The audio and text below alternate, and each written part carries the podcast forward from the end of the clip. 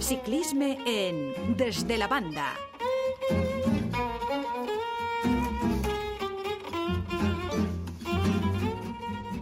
Parlem de ciclisme amb Julián Saez. Hola, Julián, què tal?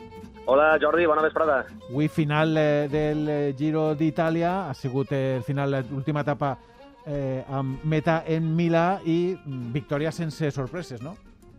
Així és, després de 21 etapa i 3.410 quilòmetres, fa poc més de mitja horeta ha finalitzat a la plaça del Duomo de Milà l'edició número 104 de la Corsa Rossa, el Giro d'Itàlia. La d'enguany serà recordada per la victòria del colombià Egan Bernal, que als seus 24 anys ja compta en el seu palmarès amb un Tour de França, el de 2019, i, i un Giro d'Itàlia.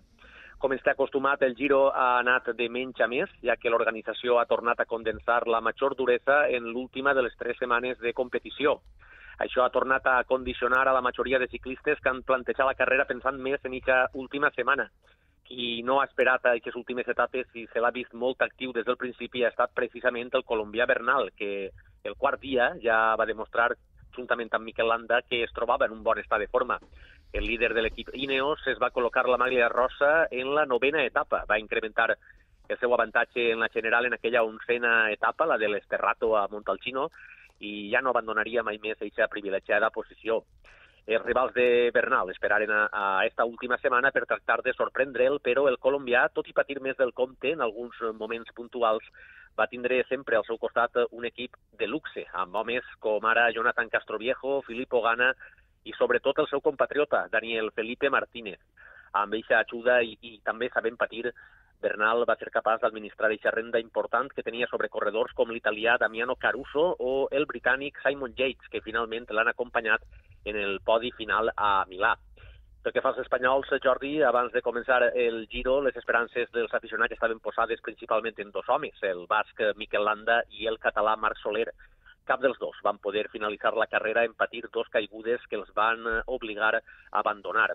El millor espanyol en la classificació final, al lloc 13, ha estat eh, finalment Pello Bilbao, que venia al Giro a treballar per a Landa i que finalment ha estat un dels regalis de luxe de Damiano Caruso, a qui la retirada de Landa li va donar llibertat i se'n va des de Giro amb una victòria d'etapa i el segon lloc en el podi als seus 33 anys. Altre espanyol que podríem destacar és Antonio Pedrero, del Movistar, a qui hem vist molt combatiu durant tot el Giro, encara que no ha tingut premi en forma de victòria parcial. L'únic valencià en carrera ha sigut el ciclista de Cosentaina, Rafa Baix, que després d'una llarga lesió tornava a una volta de tres setmanes amb la missió de fer costat a l'Anda. L'Alacantí tampoc es va lliurar de besar l'asfalt el mateix dia que va abandonar Marc Soler, però per sort ha pogut finalitzar la prova. En definitiva, domini de Gambernal, que torna a mostrar la seva millor versió. És cert que faltaven ciclistes com ara Pogacar o Roglic per veure si realment el colombià pot estar al nivell d'estos corredors en la lluita per les grans voltes per etapes. Durant tot el Giro hem estat també pendents de la xoia belga Renko Ebenepul, que als seus 21 anys disputava la seva primera carrera de tres setmanes. Finalment s'ha vist que, que li ha faltat adaptació i molt de rodatge, i més després de la llarga inactivitat per aquella greu caiguda que va patir al Giro de Lombardia l'agost de 2020. Esta vesprada, en la contrarrellotge final de 30 quilòmetres a Milà, el guanyador ha estat el campió del món de l'especialitat, l'italià Filippo Ganna. Julián, tornem a casa nostra perquè avui mateix ha finalitzat al Campelló la 25 edició de la Volta a la província d'Alacant, Elit i Sub-23 masculina, que està celebrant-se des de divendres. Així és, durant tres dies la província d'Alacant ha acollit la seva volta Eliti Sub-23, que enguany a més complia les seues noces d'argent. Han sigut tres jornades de bon ciclisme, les que han oferit els 143 ciclistes. La victòria final ha estat per al britànic Tobias Perry, de l'equip aragonès La Tova Assessoria Almudévar. El podi final l'han completat David Gómez i Edgar Curto, els dos de l'equip gironí Antiga Casa Beisolà. Tobias Perry es va imposar en la jornada inaugural entre Sant Vicent del Raspeig i Callosa de Segura, de 158 quilòmetres. Eh, dissabte l'etapa reina va dur als ciclistes des de Benissa fins l'alt de les coves de Canelobre, a Bussot.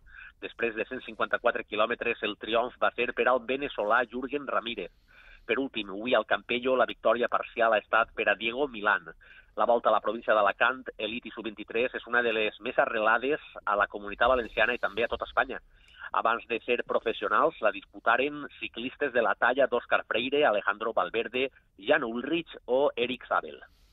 Parlem ara de ciclisme femení. Picassent va acollir ahir el campionat de la comunitat valenciana de ruta. Ja es coneixen les noves, les noves campiones autonòmiques de ruta després d'aquest campionat de la Comunitat Valenciana organitzat ahir pel Biciclub Picassent. Sobre un circuit semiurbà d'11 quilòmetres es va decidir els títols en xoc en cadascuna de les categories. La vencedora de la prova va ser la ciclista d'Aldaia Susana Pérez, de l'equip Riomiera Cantàbria Deporte, que es va fer amb el títol sub-23 en superar a la seva companya d'escapada Sofia Rodríguez, també sub-23 de l'equip Sopela va completar el podi de la categoria la suecana Sara Bonillo de l'equip Farto.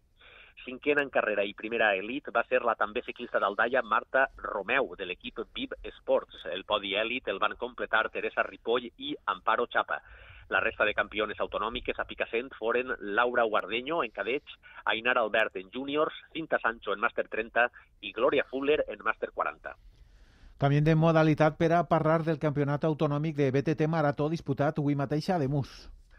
La Sesguenya Bike eh, és la prova de BTT celebrada este, matí a Demus i que ha servit per conèixer els nous campions i a les noves campiones de la comunitat valenciana en modalitat marató. Després de 70 quilòmetres i, i un desnivell positiu acumulat de 2.300 metres, els mallots de la senyera han sigut per als elits Ivan Díaz i Marta Romeu, eh, per al sub-23 Sergi Arnau, per als màster 30 Inocencio Serra i Ariadna Ródenas, per als màster 40 Vicente Pla i Gloria Fuller, per al màster 50 Luis García i per al màster 60 José Antonio Segura. La prova ha estat organitzada pel Club Ciclista Alpino El Rincón. Ja acabem contant-los que la selecció de la comunitat valenciana de pista ha aconseguit 8 medalles al Campionat d'Espanya celebrat recentment a Palma de Mallorca. Així és, el velòdrom Illes Balears de, de Palma de Mallorca va acollir els dies 22 i 23 de, de maig el Campionat d'Espanya de pista en les modalitats d'Òmnium i Madison. L'equip de la Comunitat Valenciana, dirigit per Guillermo Ferrer, va aconseguir un botí final de 8 medalles, una d'elles d'or, dos de plata i cinc de bronze. En el primer dia de competició, el combinat autonòmic eh, va aconseguir les tres primeres medalles. Els artífecs van ser la cadet Daniela Grañana, el cadet Sergio Serrano i el júnior José Segura. La resta de medalles van arribar en la jornada dominical dedicada a les Madison. Les germanes Daniela i Andrea Grañana es van penjar la medalla de plata a la Madison cadet femenina, mentre que els també cadets Sergio Serrano i Ricardo Díaz es van proclamar campions d'Espanya en la mateixa modalitat, prova en la que una altra dupla autonòmica, la formada per Mario i Héctor Álvarez, va ser bronze. Finalment, en categoria júnior, Ainar Albert i Ana Ginestar es van penjar la plata en la prova femenina i a la masculina la parella formada per Iker Bonillo i José Segura va ser bronze. Molt bé, Julián, algun apunt més de ciclisme? De moment, eh, ningú més. Ha sigut un cap de setmana molt, molt carregat de, intens. de competicions, intens, efectivament. Ja sembla que torna a, a obrir-se la veda, no? per dir-ho d'alguna manera, en l'esport, en el ciclisme també, i tot i que bé, eh, encara prenem precaucions eh, i, i, amb, i amb molt de respecte, però sí que és veritat que està ja tornant a poc a poc tot eh, a, a la normalitat. Julián Saez, moltes gràcies. Bona vesprada. Moltes gràcies, companys.